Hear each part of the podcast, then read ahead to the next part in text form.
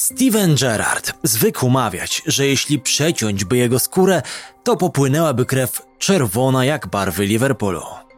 Z ekipą Zanfield wygrywał Puchar Anglii, Puchar Ligi Angielskiej, Puchar UEFA i Ligę Mistrzów. Jednakże przez niemal dwie dekady bezskutecznie gonił za króliczkiem w postaci Mistrzostwa Premier League. A gdy już wydawało się, że go złapał, zaliczył spektakularny poślizg w meczu z Chelsea. Być może właśnie ta romantyczna historia bez happy endu tylko potęguje miłość, jaką fani The Reds obdarzyli swojego wieloletniego kapitana. Sam Stevie miał zresztą wielokrotnie sposobność do tego, by zamienić Liverpool na klub z większymi perspektywami na sukces. Do Los Angeles przyprowadził się jednak dopiero wtedy, gdy poczuł, że jego rola w zespole Zanfield mocno zmalała. Dziś Steven Gerrard w kwitnącej lidze saudyjskiej próbuje odbudować reputację zdolnego menedżera po tym, jak została no, nieco zniszczona w czasie nieudanej przygody trenerskiej w Aston Villa. Zapraszam Was do wysłuchania historii o jednej z największych piłkarskich legend Liverpoolu. Dzień dobry moi drodzy, z tej strony Konrad Szymański. Witam Was po nieco dłuższej niż standardowe na tym e, podcaście przerwie, ale mam nadzieję, że teraz wróciłem na dobre i nie ukrywam, że poniekąd chciałem Wam wynagrodzić tę przerwę taką oto formą wideo wstępów. Mam nadzieję, że to się dobrze e, przyjmie. Możecie dać znać w komentarzu, co o tym myśl myślicie. Uważni widzowie wiedzą, że w czasie, w którym nie pojawiały się historie z boiska, regularnie dodawałem podcasty cotygodniowo na moim nowym podcaście, czyli Sonder. Jeżeli jeszcze nie mieliście okazji go sprawdzić, przesłuchać, to serdecznie Was do tego zachęcam i zapraszam. Dziś wielka postać. Mam już kilka odcinków e, przygotowanych, wręcz rozpisanych, gotowych prawie do publikacji. No, muszę jeszcze nagrać i zmontować, więc trochę zejdzie, ale możecie dać znać w komentarzu, o kim najchętniej usłyszelibyście w najbliższym czasie. E, I jeszcze jedna prośba. Zostawcie łapkę w górę, jeżeli tutaj jesteście, jeżeli mnie słuchacie, bo to naprawdę ma duże znaczenie. A teraz, nie przedłużając już więcej, posłuchajcie historii, tak jak powiedziałem chwilę wcześniej, jednej z największych legend w historii Liverpoolu. Panie i panowie, Steven Gerrard. Historie z boiska. Ciekawsza strona futbolu.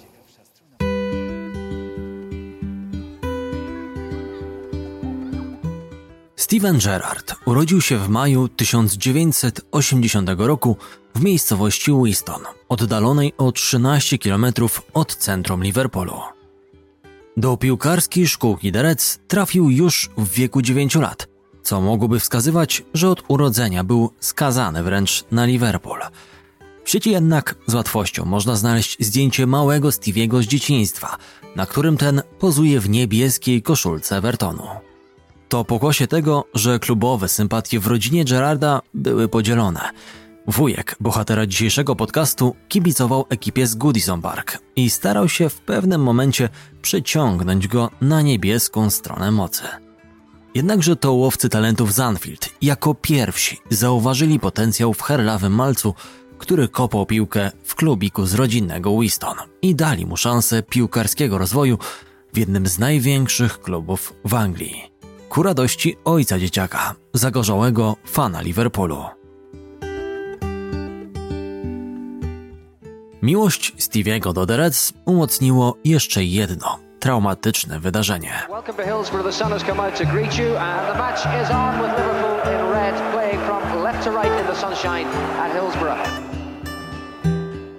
Była nim niesławna tragedia na stadionie Hillsborough, czasie której, na skutek paniki, która wybuchła przez zaniedbanie organizatorów półfinałowego spotkania Pucharu Anglii między Liverpoolem i Nottingham Forest, zginęło 96 stratowanych i zaduszonych fanów The Reds.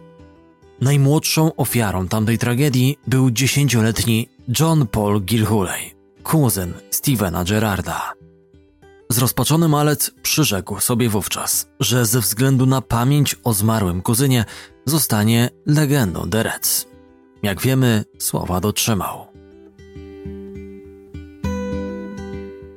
Mało jednak brakowało, by plany Gerarda już na starcie pokrzyżowała feralna kontuzja, którą odniósł w czasie podwórkowego meczu.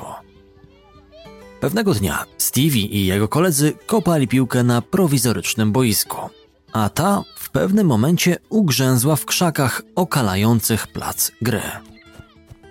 Steven ruszył dziarsko po futbolówkę i postanowił wykopać ją bezpośrednio z żywopłotu. Nie wiedział jednak, że w zaroślach ukryte są stare, porzucone widły, na które Gerard nadział duży palec u nogi. Zardzewiałe ostrze wbiło mu się w ciało na głębokość kilku centymetrów. Stevie wylądował w szpitalu, a pierwsza diagnoza lekarzy mówiła o tym, że palec najprawdopodobniej będzie trzeba amputować z powodu infekcji. Na to nie zezwolił jednak Steve Highway, ówczesny dyrektor Akademii The Reds. Wiedział, że taki zabieg z dużym prawdopodobieństwem pozbawi utalentowanego dzieciaka szansy na zrobienie kariery. Załatwił mu alternatywną formę leczenia urazu. Palec został uratowany. Dzięki temu Stevie nadal mógł szlifować swój nieprzeciętny talent w sekcjach juniorskiego ukochanego klubu, gdzie nawiązał bardzo dobre relacje z inną wschodzącą gwiazdą, starszym od niego o rok, Michaelem Owenem, o którym także opowiadałem Wam w jednym z poprzednich odcinków.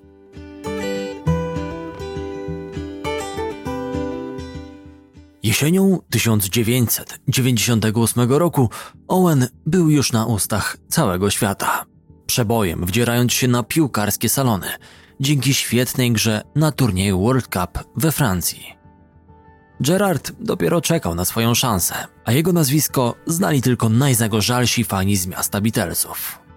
Premierową szansę pokazania się kibicom jako zawodnik pierwszej drużyny otrzymał od francuskiego menadżera Gerarda Uliera 29 listopada 1998 roku.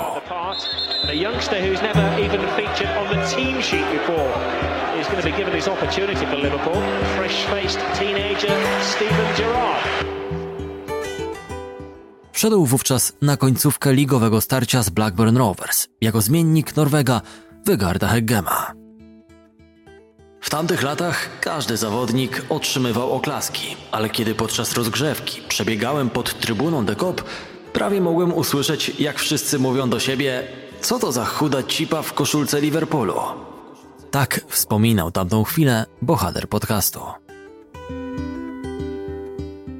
Nie zmienia to jednak faktu, że Gerard mógł w tamtym momencie poczuć, jak spełniają się jego dziecięce marzenia. A on rozpoczyna drogę do spełnienia celu, który obiecał zmarłemu kuzynowi. To wtedy wszedł na ścieżkę, która miała go zaprowadzić w to samo miejsce, co jego idoli sprzed lat Jana Rasha i Johna Barnesa, piłkarzy, którzy podbili serca kibiców sportowego miasta. I chociaż kariera Stevie'ego rozwijała się dość harmonijnie, to oczywiście zdarzało mu się miewać także trudne momenty. Już tydzień po spotkaniu z Blackburn, Ulier dał mu szansę zagrać od pierwszej minuty w starciu z Tottenhamem. Gerard miał przypisane zadanie defensywne i odpowiadał za krycie Dawida Ginoli, który znajdował się wówczas w kapitalnej formie. Francuz robił z nieopierzonym żółtodziobem co chciał, mijał go jak tyczkę slalomową i wkręcał w ziemię. Byłem w tym meczu kłębkiem nerwów. Byłem przerażony. Gdy tylko piłka zbliżała się do mnie, wpadałem w panikę. Nie potrafiłem nawet celnie podać. W pewnym momencie Paul Ince krzyknął do mnie: Stevie, weź się k***a w garść. A ja miałem tylko nadzieję, że moja rodzina nie ogląda tego meczu. Ulier ściągnął go z murawy w 55 minucie gry. Fatalny występ nie podłamał jednak młodego zawodnika. Francuski menadżer regularnie dawał mu grywać ogony, a w końcówce sezonu zaczął systematycznie zwiększać czas, który nastolatek spędzał na boisku. W przerwie między sezonami z ekipą Zanfield pożegnał się Paul Ince. To właśnie Gerard miał zastąpić reprezentanta Anglii w pierwszym składzie i zacząć tworzyć duet środkowych pomocników Reds wraz z innym piłkarzem regularnie przywdziewającym trykot trzech lwów, Jamiem Redknappem. Redknapp w momencie wejścia Stevie'ego do pierwszego zespołu pełnił w szatni rolę mentora dla młodego zawodnika. Teraz miał również dyrygować jego poczynaniami na boisku. Gerard spisywał się w roli startera nad wyraz dobrze. Co prawda nie był jeszcze w pełni tym ukształtowanym graczem, który rozdawał na boisku kartę, nim stał się kilka lat później. Początkowo przypisywano mu więcej zadań defensywnych. Był gościem od przeszkadzania rywalom i noszenia fortepianu. Szybko zaskarbił sobie serca fanów Zanfield swoją zadziornością i nieustępliwością, która nijak nie współgrała z aparycją przeciętnego, chuderlawego chłopaka z osiedla, który za wszelką cenę stara się unikać kłopotów. Wikłał się w pojedynki z największymi bedbojami w Premier League, pokroju Denisa Wise'a czy Paula Gascoina. Mecz derbowy z Evertonem skończył z czerwoną kartką na koncie po brzydkim faulu na Kevinie Campbellu. Campbell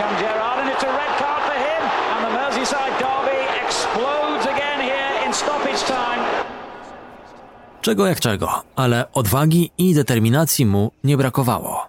Nie było już śladu po chłopcu, którego kilkanaście miesięcy wcześniej ośmieszył Dawid Ginola.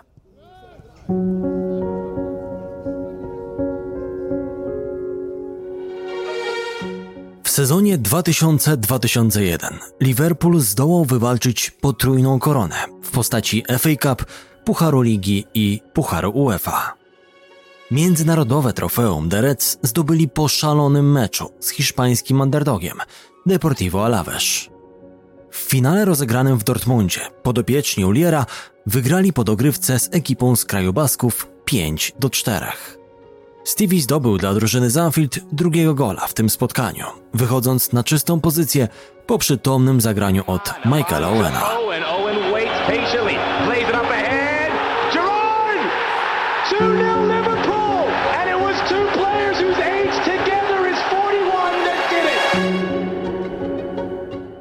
W maju 2000 roku selekcjoner Kevin Keegan po raz pierwszy dał mu wystąpić w reprezentacji Anglii. Gerard wyszedł w pierwszym składzie synów Albionu w towarzyskim meczu z Ukrainą. We wrześniu 2001 roku, już pod wodzą nowego trenera, Svena Gorana Erikssona, kadra trzech lwów w spotkaniu eliminacyjnym do Mistrzostw Świata rozbiła na stadionie w Monachium Niemców aż 5 do 1. Bohaterem tego spotkania był Michael Owen, który ustrzelił hat-tricka. Po jednym golu dołożyli jego klubowi koledzy z Liverpoolu, Emil Heskey i Steven Gerrard, dla którego było to pierwsze trafienie w drużynie narodowej.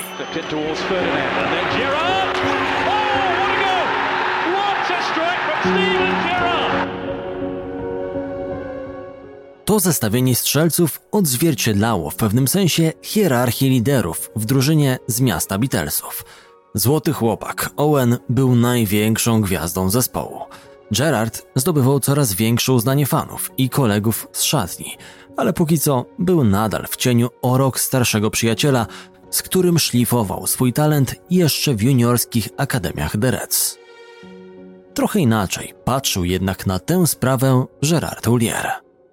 Najpierw mianował Stevie'ego wicekapitanem zespołu, by następnie zdjąć opaskę z ramienia doświadczonego fińskiego obrońcy samego Hyppi i wręczyć ją 23-letniemu wychowankowi. Decyzja ta wzbudziła nieco kontrowersji, a francuski menedżer tłumaczył ją w następujący sposób. Myślałem o tym bardzo długo. To nie jest zmiana, którą należy postrzegać jako gest przeciwko samiemu. Był dobrym kapitanem. Podniósł w tej roli sześć trofeów, ale musiałem brać pod uwagę inne czynniki. Już wiele lat temu dostrzegłem, że Steve ma atrybuty prawdziwego lidera. Teraz ma 23 lata i jest gotowy, by wziąć odpowiedzialność za zespół. Dojrzał. Poza tym chce też pomóc samiemu. Mam wrażenie, że zawsze jest gotowy, by wziąć na siebie cały ciężar odpowiedzialności i czasem przyjmuje jej zbyt wiele. Przed sezonem 2004-2005 w klubie nie było już jednak ani notującego niesatysfakcjonujące wyniki Uliera, którego zastąpił Hiszpan Rafael Benitez, ani Michaela Owena, który przeniósł się do Realu Madryt.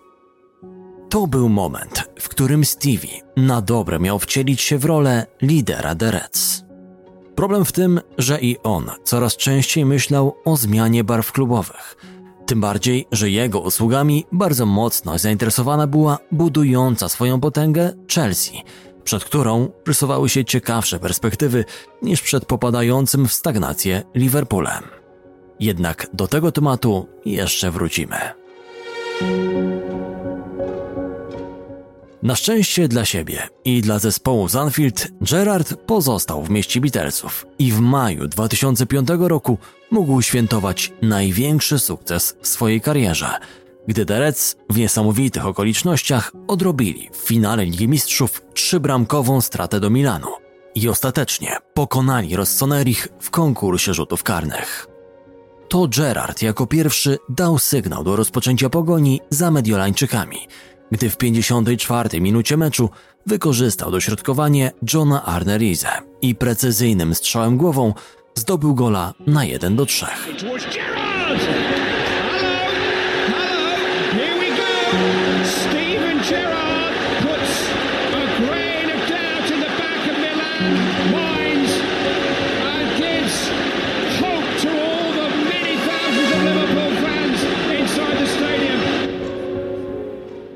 Sześć minut później na tablicy wyników widniał już remis.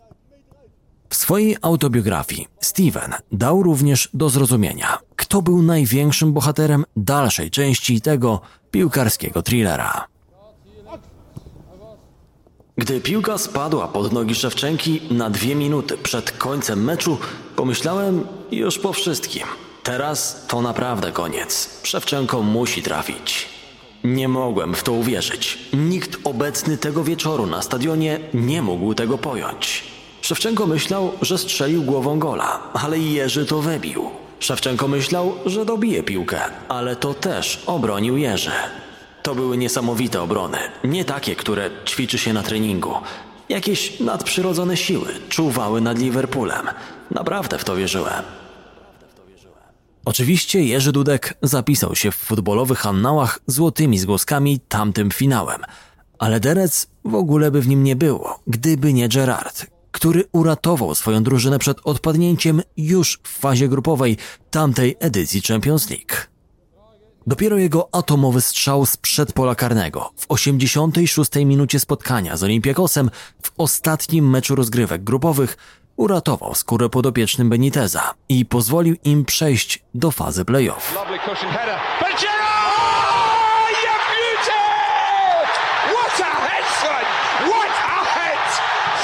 Gerrard says, Champions League knockout stage, here we come. Cytat z emocjonalnego komentarza, który po tym wspaniałym trafieniu wygłosił sprawozdawca telewizji Sky Sports Andy Gray, zdobi dziś poświęcony Gerardowi Coku, który znajduje się przed stadionem Anfield.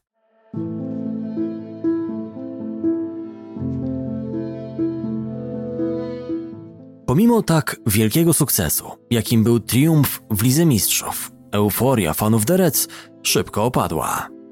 Dla Stevie'ego podniesienie uszatego pucharu także było olbrzymim przeżyciem. Poniekąd mógł uznać, że tym samym wypełnił obietnicę daną swojemu zmarłemu kuzynowi przed laty. Czuł też podskórnie, że dalszy związek z zespołem Zanfield może nie być zbyt owocny. Klubowi sportowego miasta daleko było do potencjału, którym dysponowała nowa siła angielskiej piłki Chelsea, utrzymujący się od lat na szczycie Manchester United, a nawet w tamtym czasie nadal mocny Arsenal. Sezon 2004-2005 Derec zakończyli na piątej pozycji w ligowej tabeli, ze stratą aż 37 punktów do triumfującej Chelsea.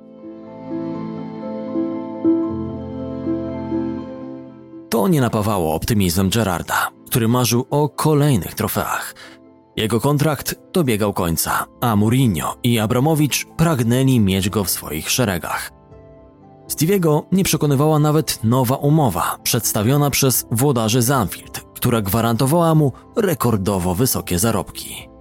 W pewnym momencie prasa na wyspach huczała wręcz o tym, że kapitan Liverpoolu nie ma zamiaru parafować nowego kontraktu i jest zdecydowany, by przeprowadzić się na Stamford Bridge. To wywołało wściekłość fanów The Reds, którzy posunęli się nawet do podpalania i wyrzucania koszulek Gerarda do śmietnika. Sprawa wydawała się przesądzona. Jednak wtedy w kapitanie Liverpoolu coś drgnęło. To był najgorszy moment mojej kariery. Załamałem się, wpadłem w panikę. Byłem kłębkiem nerwów. Czy mógłbym aż tak zawieść do kop? Czy mój ojciec jeszcze kiedyś spojrzałby na mnie z takim podziwem jak dotychczas? Nie, nie mogłem. Widziałem wspaniałe perspektywy w Chelsea, ale serce nie pozwoliło mi odejść. Miłość do rodzinnego miasta, klubu, który go wychował i bliskich, którzy kibicowali Reds, przeważyła szale. To była decyzja, która zapewniła mu dozgonny szacunek trybun na Anfield i nowy przydomek Mister Liverpool. Jednocześnie była to decyzja, która spowodowała, że pomimo tego, iż miał dopiero 25 lat, do gabloty wsadził już tylko dwa trofea. Pierwszy z nich wywalczył rok później i uczynił to w wielkim stylu.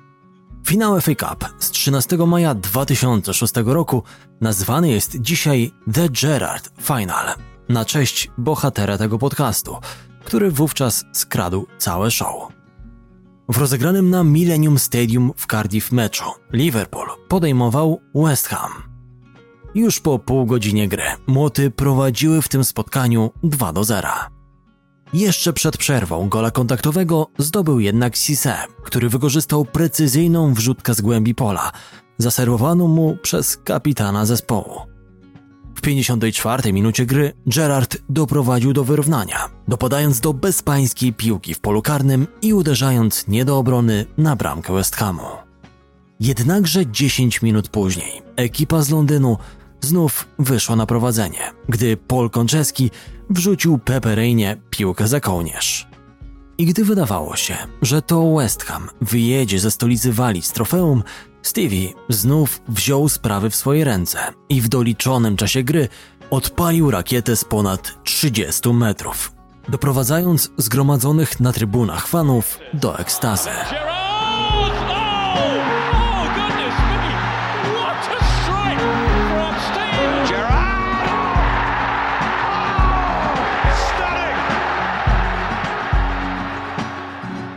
Następnie Mister Liverpool był jednym z tych graczy, którzy celnie wyegzekwowali swoją jedenastkę w serii rzutów karnych. Jego koledzy również byli skuteczniejsi niż ich vis-a-vis z Londynu i ostatecznie to Liverpoolczycy wznieśli Puchar Anglii. Wszyscy mówili o tym meczu. 125. finał Pucharu Anglii został okrzyknięty najlepszym w historii, a nawet nazwany finałem Gerarda. To było dla mnie niezwykle ważne. Kocham FA Cup. Liverpool wraz z West Hamem przywrócił blask temu trofeum. A te dwa gole z tego finału były najlepszymi w mojej karierze. Zachwycał się Gerard. W kolejnych sezonach Liverpool zaczął popadać jednak w przeciętność. O ile w latach 2007-2009 plasowali się jeszcze w czołowej czwórce Premier League, a w czasie kampanii 08-09 otarli się nawet o mistrzostwo, o tyle cztery kolejne sezony The Reds zakończyli na pozycjach 7, 6, 7 i 8 w ligowej tabeli. Na pocieszenie w roku 2012 Liverpoolczycy wywalczyli Puchar Ligi Angielskiej. To było właśnie to ostatnie trofeum, które Gerard mógł dopisać sobie do CV. Sami musicie przyznać, że jak na piłkarza tej klasy, jakim był Steven, to liczba dziewięciu łącznie zdobytych przez niego trofeów nie powala na kolana. Szczególnie, że wliczamy w to chociażby Super Puchar Europy, tarcze dobroczynności czy trzy Puchary Ligi. A że zawodnikiem był fantastycznym, niech świadczy fakt, że w czasie kariery aż dziewięciokrotnie wybierano go do drużyny sezonu Premier League. Miewał także niesamowite indywidualne występy, jak wtedy, gdy w 2009 roku ustrzelił dublet w meczu Ligi Mistrzów z Realem Madryt czy kiedy popisał się hat-trickiem w derbach Merseyside trzy lata później. Na nic się to jednak zdawało, gdyż mister Liverpool był przez ten czas w większości otoczony partnerami niezdolnymi do sięgania po najważniejsze laury. Mimo to już nigdy więcej nie czuł tak silnej potrzeby zmiany klubu na bardziej perspektywiczne, jak wtedy, gdy w 2005 roku był bliski przenosin do Chelsea. Mało tego, gdy w 2012 roku chęć pozyskania go wyraził Bayern, odrzucił zaloty Bawarczyków, mówiąc Liverpool to nadal klub z tradycjami i wielka marka. To jest powód, dla którego jestem w tym miejscu tak długo. Ważniejsze jest zdobycie kilku trofeów i osiągnięcie czegoś, co jest trudne, niż podążanie łatwiejszą ścieżką i dołączenie do klubu, w którym stanie się to prostsze. Pół żartem, pół serio, do osiągnięć Gerarda możemy również dodać trzy tytuły wicemistrza Anglii. Pierwsze ligowe srebro wywalczył jeszcze w 2002 roku, drugie we wspomnianym sezonie 0809. Trzecia szansa na zdobycie tytułu mistrza Anglii wymknęła mu się z rąk w czasie kampanii 2013-14 i była najbardziej bolesna, gdyż to właśnie Stevena uznaje się za głównego winowajcę tego, że Derec nie zasiedli wówczas na tronie Premier League.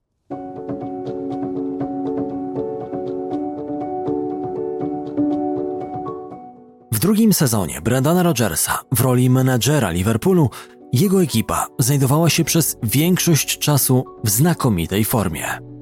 Chociaż wielu fanów The Reds powoli stawiało już kreskę na swoim kapitanie, którego coraz częściej męczyły kontuzje, ten, wbrew ich opiniom, rozgrywał kolejny wspaniały sezon. Drugim liderem ekipy Zanfield był znajdujący się w kapitalnej formie Luis Suarez. Świetny czas notowali także Daniel Sturridge czy Raheem Sterling.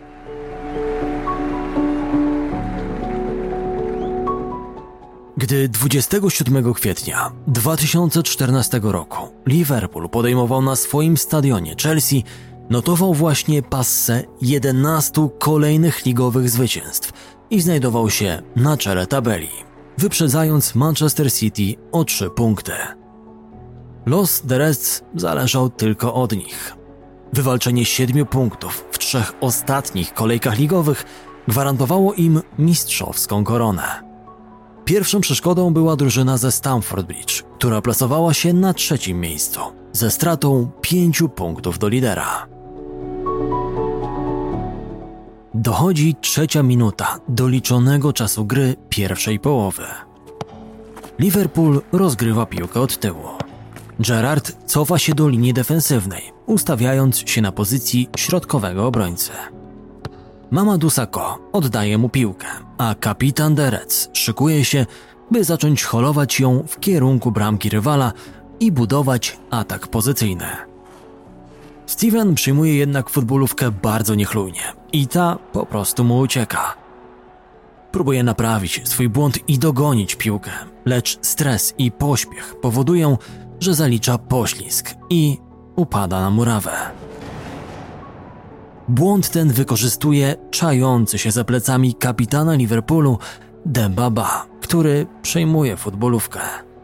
Senegalczyk ma przed sobą pustą przestrzeń, gdyż Gerard chwilowo był ostatnim piłkarzem w bloku obronnym. Napastnik Chelsea mknie przez kilkanaście metrów w kierunku bramki strzeżonej przez Simona Mignoleta. Gerard stara się z całych sił go dogonić, ale dzieli ich zbyt duży dystans. Mignole wybiega z bramki. Dembaba jeszcze przed polem karnym oddaje płaski strzał, który przelatuje między nogami belgijskiego golkipera.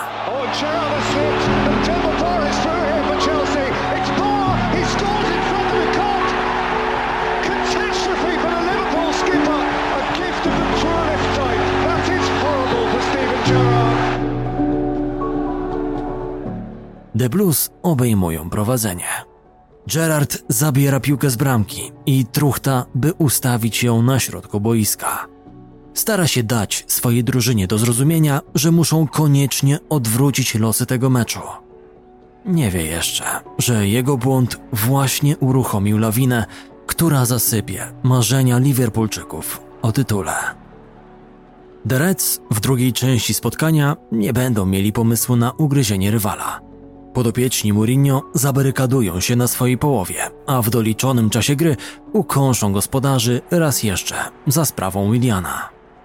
City wygra swój mecz i przeskoczy Liverpool w tabeli. Manchester nie powtórzy błędu swoich rywali i wygra dwa pozostałe mecze ligowe, zapewniając sobie tytuł. Załamani Derec stracą jeszcze punkty tydzień później w pojedynku z Crystal Palace, ale to będzie już bez znaczenia. Wszystko rozsypało się jak domek z kart w chwili poślizgnięcia się Stevena Gerrarda.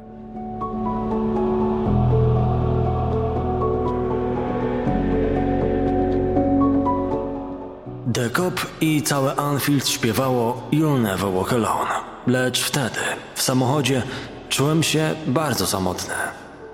Hymn Liverpoolu przypomina ci, żeby trzymać głowę wysoko, kiedy idziesz przez burzę. Przypomina ci, by nie bać się ciemności.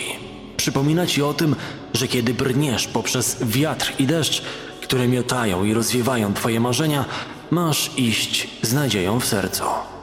Nie miałem wtedy wiele nadziei. Widziałem siebie raczej zmierzającego ku samobójstwu.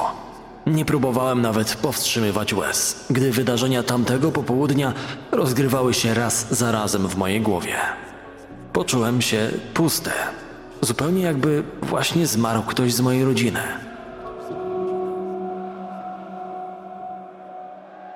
Olbrzymią gorycz porażki dopełniły Mistrzostwa Świata w Brazylii, które odbyły się kilka tygodni później.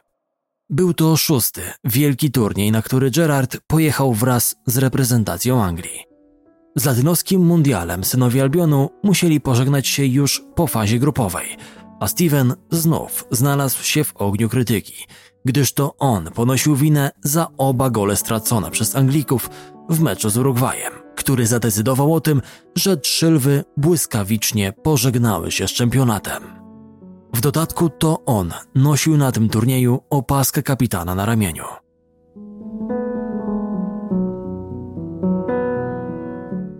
W lipcu tego samego roku Gerard zapowiedział, że kończy swoją reprezentacyjną przygodę. Jego licznik zatrzymał się na 114 występach, co plasuje go na czwartym miejscu wśród piłkarzy, którzy najczęściej przywdziewali trykot synów Albionu.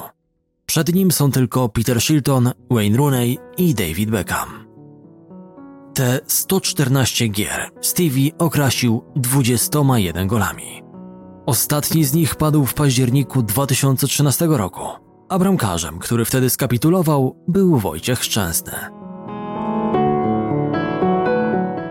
Pomimo tego, że powyższe liczby mogą robić wrażenie, trzeba zaznaczyć, że przygoda Gerarda z kadrą narodową okazała się równie bezowocna, co jego pogoń za tytułem Mistrza Anglii. Na żadnym z sześciu wielkich turniejów, w których brał udział, synowie Albionu nie przekroczyli bariery ćwierćfinału.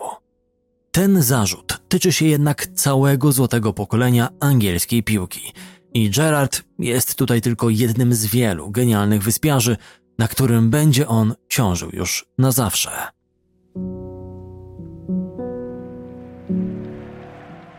Dwudziestego czwartego maja 2015 roku. 70 minuta ostatniego meczu ligowego w sezonie. Ricky Lambert głową przedłuża wysoką piłkę, która ląduje za plecami obrońców Stoke City. Dobiega do niej Steven Gerrard, który chwilę później wpada w pole karne przeciwnika i strzela obok interweniującego Asmira Begowisia. No.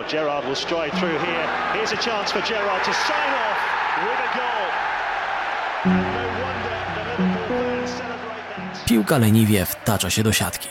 Liverpool 1, Stoke 5. W końcówce meczu The Reds dobija jeszcze Peter Crouch. W takich okolicznościach Gerard żegna się z klubem, który reprezentował od dziecka. To jego ostatni występ w koszulce ekipy Zanfield.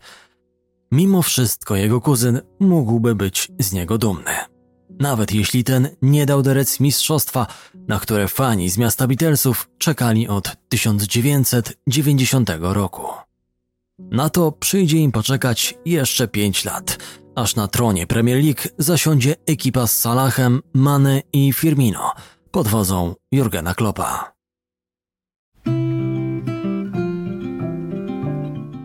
Siedemset dziesięć meczów, 186 goli.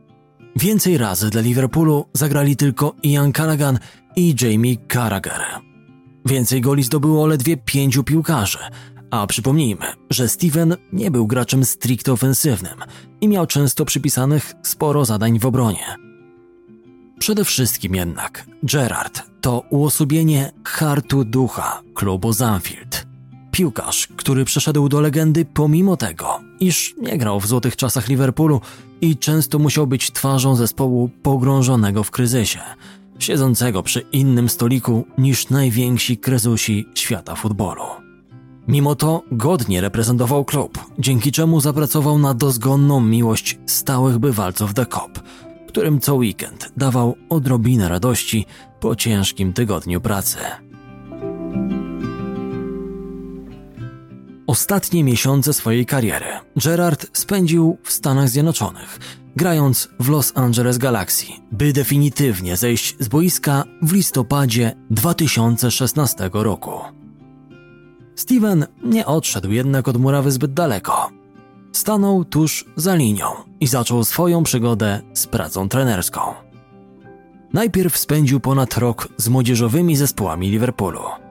Jego etyka pracy i podejście do nowego zawodu imponowały na tyle, że już w kwietniu 2018 roku otrzymał pierwszą prawdziwą szansę w zawodowym futbolu, obejmując stery Glasgow Rangers, które marzyło o odbudowie swojej dawnej pozycji w lidze szkockiej i ponownym nawiązaniu walki z ekipą Celticu. Już po pół roku poprowadził Rangersów do pierwszej wygranej w Old Firm Derby od 2012 roku, by na koniec sezonu uplasować się w tabeli na pozycji gwarantującej wicemistrzostwo Szkocji. Wynik ten powtórzył rok później. Prawdziwy pokaz siły ekipy prowadzonej przez Gerarda miał jednak miejsce w sezonie 2020-21. Rangersi sięgnęli po pierwsze od 10 lat mistrzostwo kraju, kończąc kampanię ligową bez porażki na koncie. Dzięki temu Gerard, o którym zaczęło się mówić jako o trenerskim talencie, zwrócił na siebie uwagę możniejszych klubów.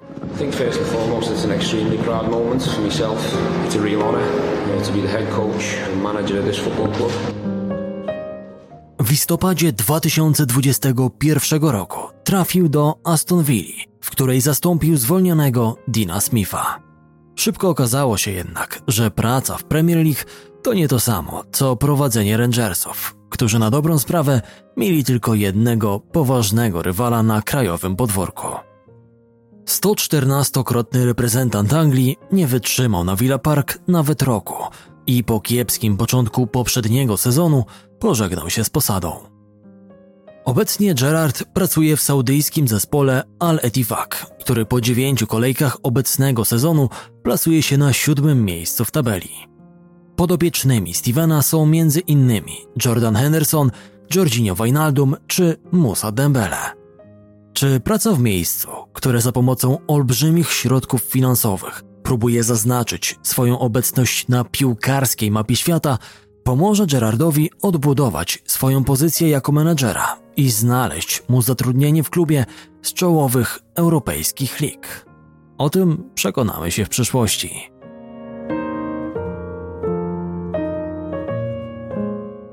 Symbol wierności, wzór kapitana, boiskowy generał, o którym jego były kolega z zespołu, Craig Bellamy, mówił, że nie było takiej rzeczy, której by nie potrafił zrobić.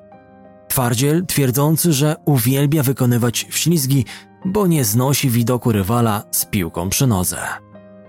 Steven Gerrard był jednym z najbardziej wszechstronnych graczy pierwszej dekady XXI wieku.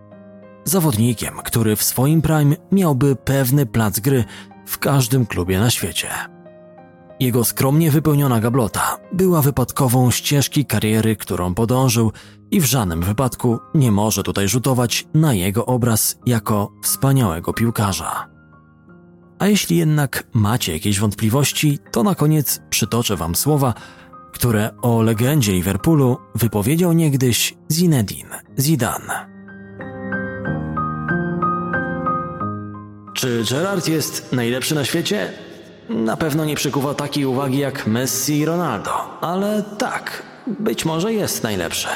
Dysponuje świetnym podaniem, potrafi odbierać piłkę i zdobywać gole, ale co najważniejsze, powoduje, że piłkarze wokół niego nabierają wiary i pewności siebie.